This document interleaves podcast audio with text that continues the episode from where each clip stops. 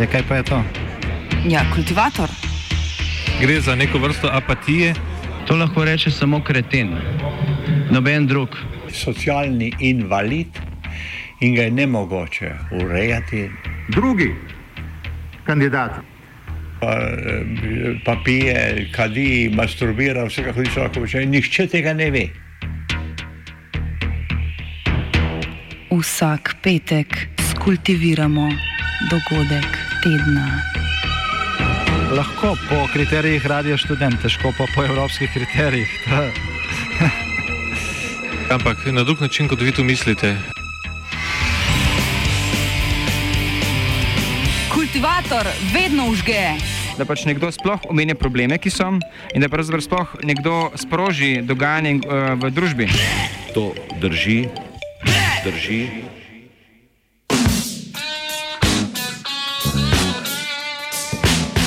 Neresno, koruptivno.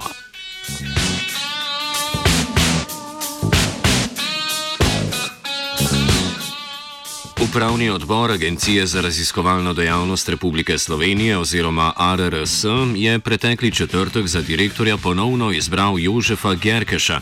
Tega mora zdaj potrditi še vlada.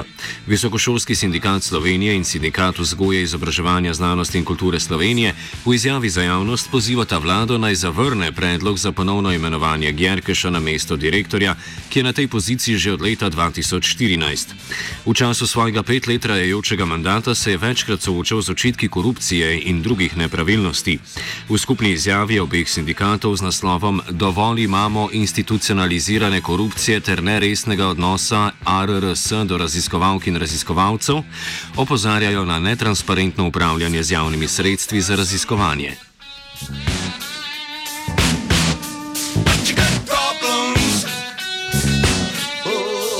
Predsednik Visokošolskega sindikata Slovenije Univerze v Ljubljani Gorast Kovačič nasploh o pomankljivostih delovanja ARRS, na katere so v zadnjih petih letih opozarjali raziskovalci in raziskovalke. Delovanje agencije za raziskovanje je deležno številnih kritik eh, strani znanstvene skupnosti eh, skozi vrsto let in tudi v eh, mandatu Jožefa Gerkeša. Številni raziskovalci so se pritoževali in ugotavljali, da so postopki evalviranja čudni, da nad njimi ni kontrole, pritožbe letijo na kolizijo interesov, ljudje, ki imajo funkcije v RDS, odločajo o tem, kdo bo recenzent in potem čudežno uh, ravno njihove projektne skupine uh, izrazito, so izrazito uspešne na razpisih. Uh, številne kritike so bile na izjemno počasnost, na zamude. Recimo um, lanski razpis oziroma predlanski, ki, bil, ki se je odprl Eh, torej novembra 2018 um, odločitve eh, so bile sprejete recimo junija lani, potem so se nekateri pritožili in na tiste pritožbe še do, do zdaj, eh, do februarja 2020, niso dobili dokončnega odgovora. Tako da ta, ta počasnost, ta netransparentnost RDS, tudi nenehno spreminjanje pravil, vse to poglablja negotovosti raziskovalcev, ki že tako ali tako teži razpisni način financiranja.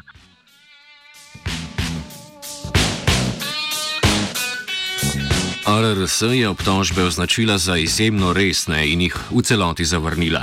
Kot dokaz za transparentno delovanje navaja dejstvo, da je agencija lani januarja prejela ugotovitve Komisije za preprečevanje korupcije Republike Slovenije, v katerih bi naj bilo razvidno, da ima RRS dobro urejen institut nasprotja interesov.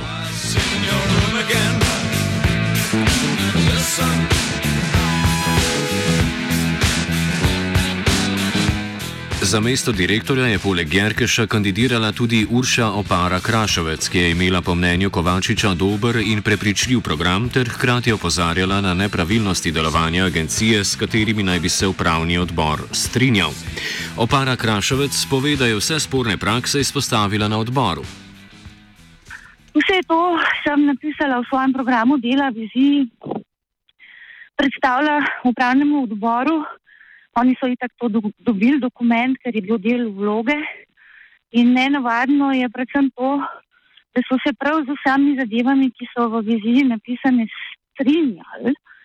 Te so bile storjene pod zdajšnjim vodstvom, ne, zato mene osebno tako preseneti ta izbor, da so se odločili za osebo, ki je, ki je, ki je ne, ne na zadnji odgovorna, za to, kar se je dogajalo v zadnjih letih.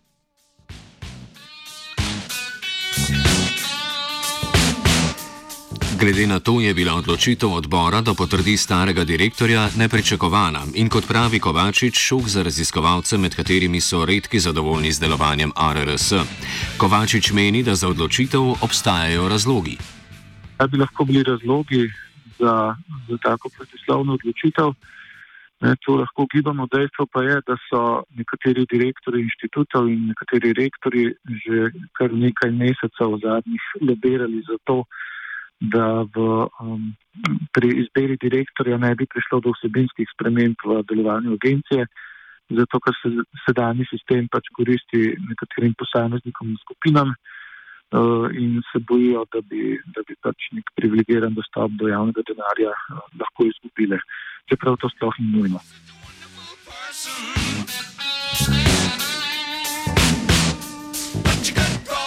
Opara Krašovec je delo agencije problematizirala že večkrat v preteklosti. Opozarjala sem na, no, če poenostavljam povedam, na sistemsko korupcijo, na možnost sum sistemske korupcije. Opozarjala sem, da evalvacijski sistem niti približen ni primerljiv mednarodnim, na kar se sklicuje in kar je osnovno poslanstvo agencije. Opozarjala sem na to, da je akademska skupnost praktično preslišana argumenti akademske skupnosti in vedno bolj bila izključena z možnostjo um, predlogov podajanja in tega. Tako se je recimo zožal, zložila sestava uh, rivalne skupine, ki je bila prva dokaj široka, velika razprav, ta se druga, ki je bila pa, uh, mislim, da je bilo 2019, kako je pa praktično samo še vodstvom, oziroma vodstveni organi kot znanstveni svet, predsedniki znanstvenih svetov, ved, agencije same ne, in pa upravni odbor.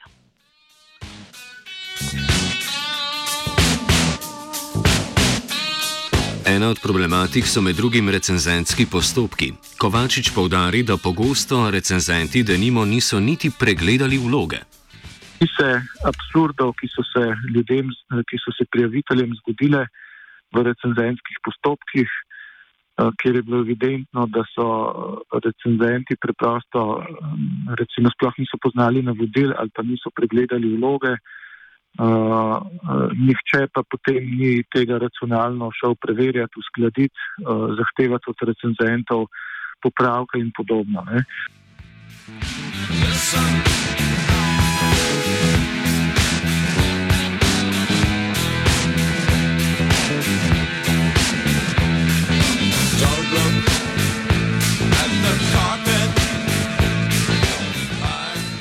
Opara Krašovec dodaja, da argumenti agencije, da ne more vplivati na recenzentske postopke, ne držijo. Agencija plača recenzentom, da opravijo svoje delo, kar je normalno. Ne? Ampak je dolžna tudi spremljati, da recenzenti upravljajo delo, za katero so bili plačani. In izgovor, da tega ne more, ne drži. Ne, uh, ne zdrži v tok. Sej, sigurno ne more v samo strokovnost ocene posegati in je tudi prav, da ne. Ampak za, tem, za to vrstne napake, ki sem pa zdaj uh, naštela, ne, je pa agencija tista, ki, ki bi morala narediti pregled. Uh, to, kar se govori za uvedbo uredniških funkcij, ne, te funkcije bi morale biti že v zdajšnjem sistemu. Se pravi, pod pod direktorjem je še znanstveni svet agencije, eno uredništvo nižje, ki bi moral pregledati, kaj, kaj potrjuje. Še eno, še eno stopnjo nižje je panel, ki je tudi dolžana ne pogledati, ali so smiselne zadeve ali ne, ne. Če pa recimo se zgodi, da se vse to spregleda, je pa potem na mestu, da se prizna napako.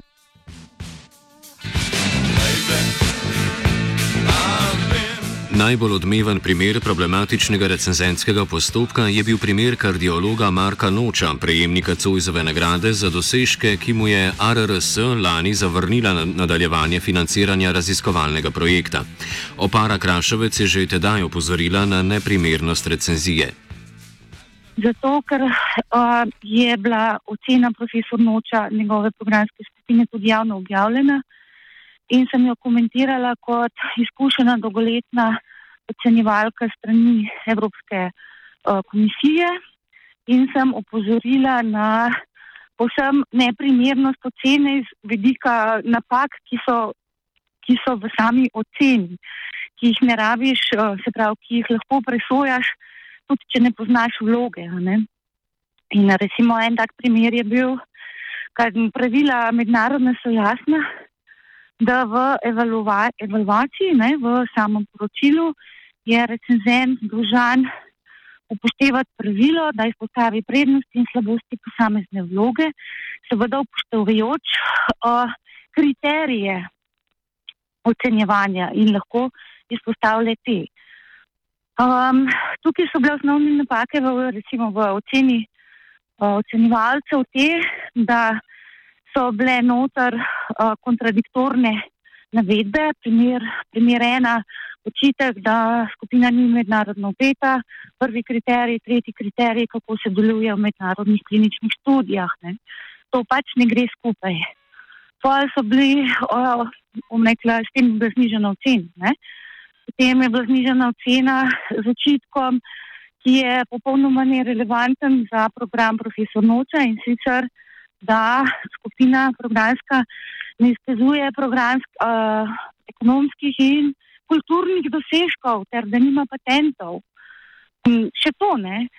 Bil je edini program, ki je bil ustavljen tisto leto in bil je ustavljen z 14,0 točk, če bi, če bi dosegel pol točke, najmanj možno več točk, bi bil sprejet v nadaljevanje financiranja.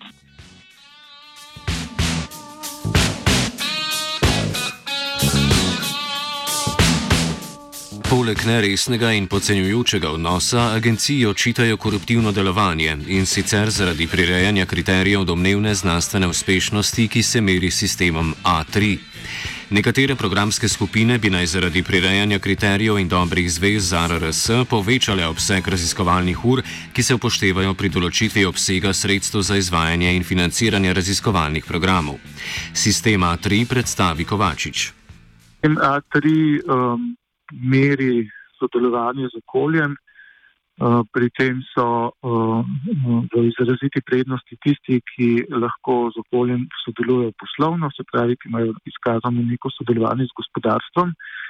In to um, lahko potem vpliva na to, da so uh, boljše ocenjeni pri evalvaciji raziskovalnih programov in pridobijo večja sredstva kot tisti, ki nimajo tega sodelovanja z okoljem. In težava je seveda v tem, da eh, recimo neka programska skupina z področja filozofije seveda eh, ne more imeti, nima istih pogojev, ne, možnosti in dela pri sodelovanju z okoljem ali pa recimo pri nekem sodelovanju celo z industrijo, kot ga ima, kaj jaz vem, neka skupina z področja strojništva.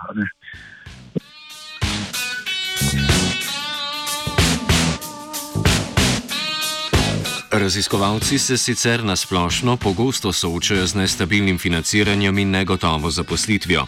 Prvi korak v ureditvi stanja raziskovalcev je storila Univerza v Ljubljani, ki je julija 2018 izdala navodila, naj raziskovalcem zaposlenih z verižnimi pogodbami za določen čas ponudijo pogodbe za nedoločen čas. Nekatere fakultete sicer tega še vedno niso storile. Širšo problematiko financiranja raziskovalne dejavnosti predstavi Kovačič, ki pove, da je Visokošolski sindikat za reševanje opisane problematike predlagal vzpostavitev posebnega sklada tudi to je bil predlog visokošolskega sindikata, tako vodstvo Univerze v Ljubljani, kot malo kasneje potem tudi v okviru usklajevanja novega raziskovalnega zakona. Gre preprosto za to, da raziskovalci so deloma financirani iz nekih stabilnih verov, ki se jim reče programi, v veliki meri so pa financirani prek projektov. Projekti imajo omejen čas trajanja, In uh, ljudje tudi kombinirajo po več projektov hkrati, da, da so tako nekako čim bolj stabilno pokriti.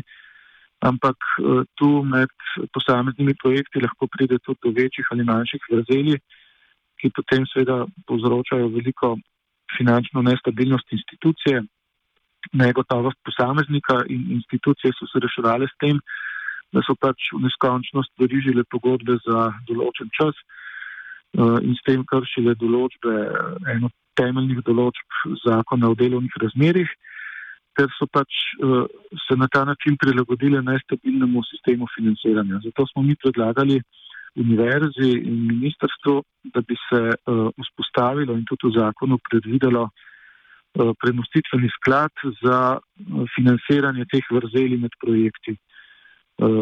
Sveda, tu je veliko vprašanj, kako velik bi ta sklad bil, iz česa vse bi se napajal, kakšni bi bili vstopni pogoji, za koliko časa bi posameznik lahko bil upravičen do takega financiranja. Eno predvsej pomembno vprašanje je tudi to, da bi recimo na univerzi tak sklad deloval na ravni univerze ali na ravni posamezne članice. In tiste članice, ki so um, bogatejše, ki imajo um, veliko zaposlenih raziskovalcev in predvsem tudi veliko sodelovanja z industrijo, so seveda bile za to, da bi ti skladi delovali na ravni vsake članice posebej, zato da ne bi prišlo do solidarnostnega pretakanja denarja med članicami. Uh, in revne članice bi po tem konceptu bile v bistvu solidarne same s seboj ob zelo pičlih verih. Breaking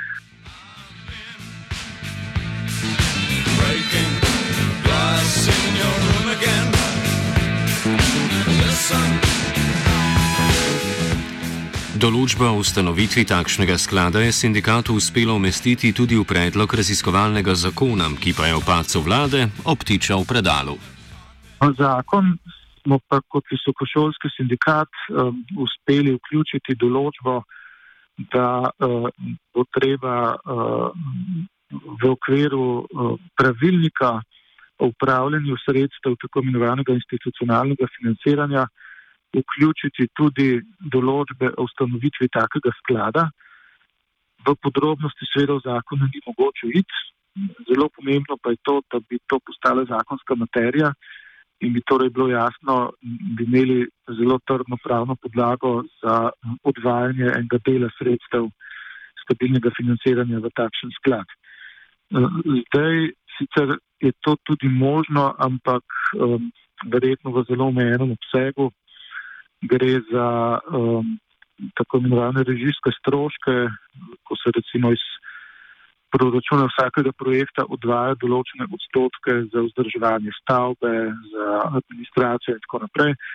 In kakšen odstotek bi lahko šel tudi v sklad, ampak če tega denarja ne bi bilo veliko, potem tudi sklad ne bi imel uh, zelo močnega učinka. Uh, Torej, zakon bi tu lahko eh, prinesel večji manevrski prostor, bolj široko potezno zastavitev takih skladov, vendar, kot vemo, eh, predsednik vlade je odstopil, eh, sedanja sestava parlamenta je trenutno v neki pad poziciji, možne so ali predčasne volitve, ali desna vlada, desna vlada takega zakona, kot je bil sklajen, zagotovo ne bo poslala v sprejem zato ker so notri eh, določeni elementi, ki desnici ne ustrezajo, recimo um, za postavljanje zasebnih inštitutov.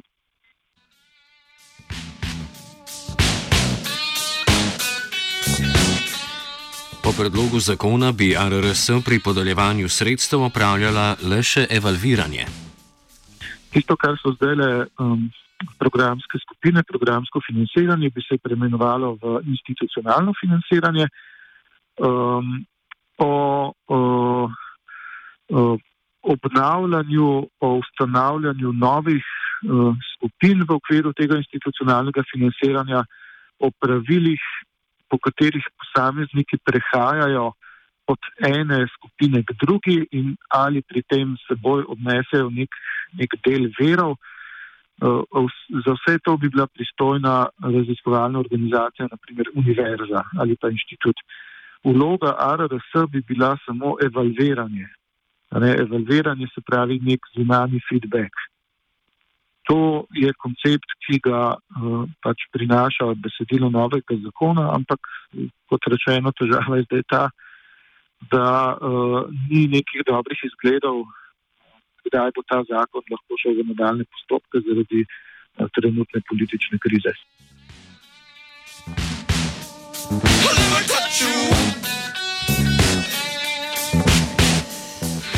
Kultivirali sta vajenka Aida in Zala.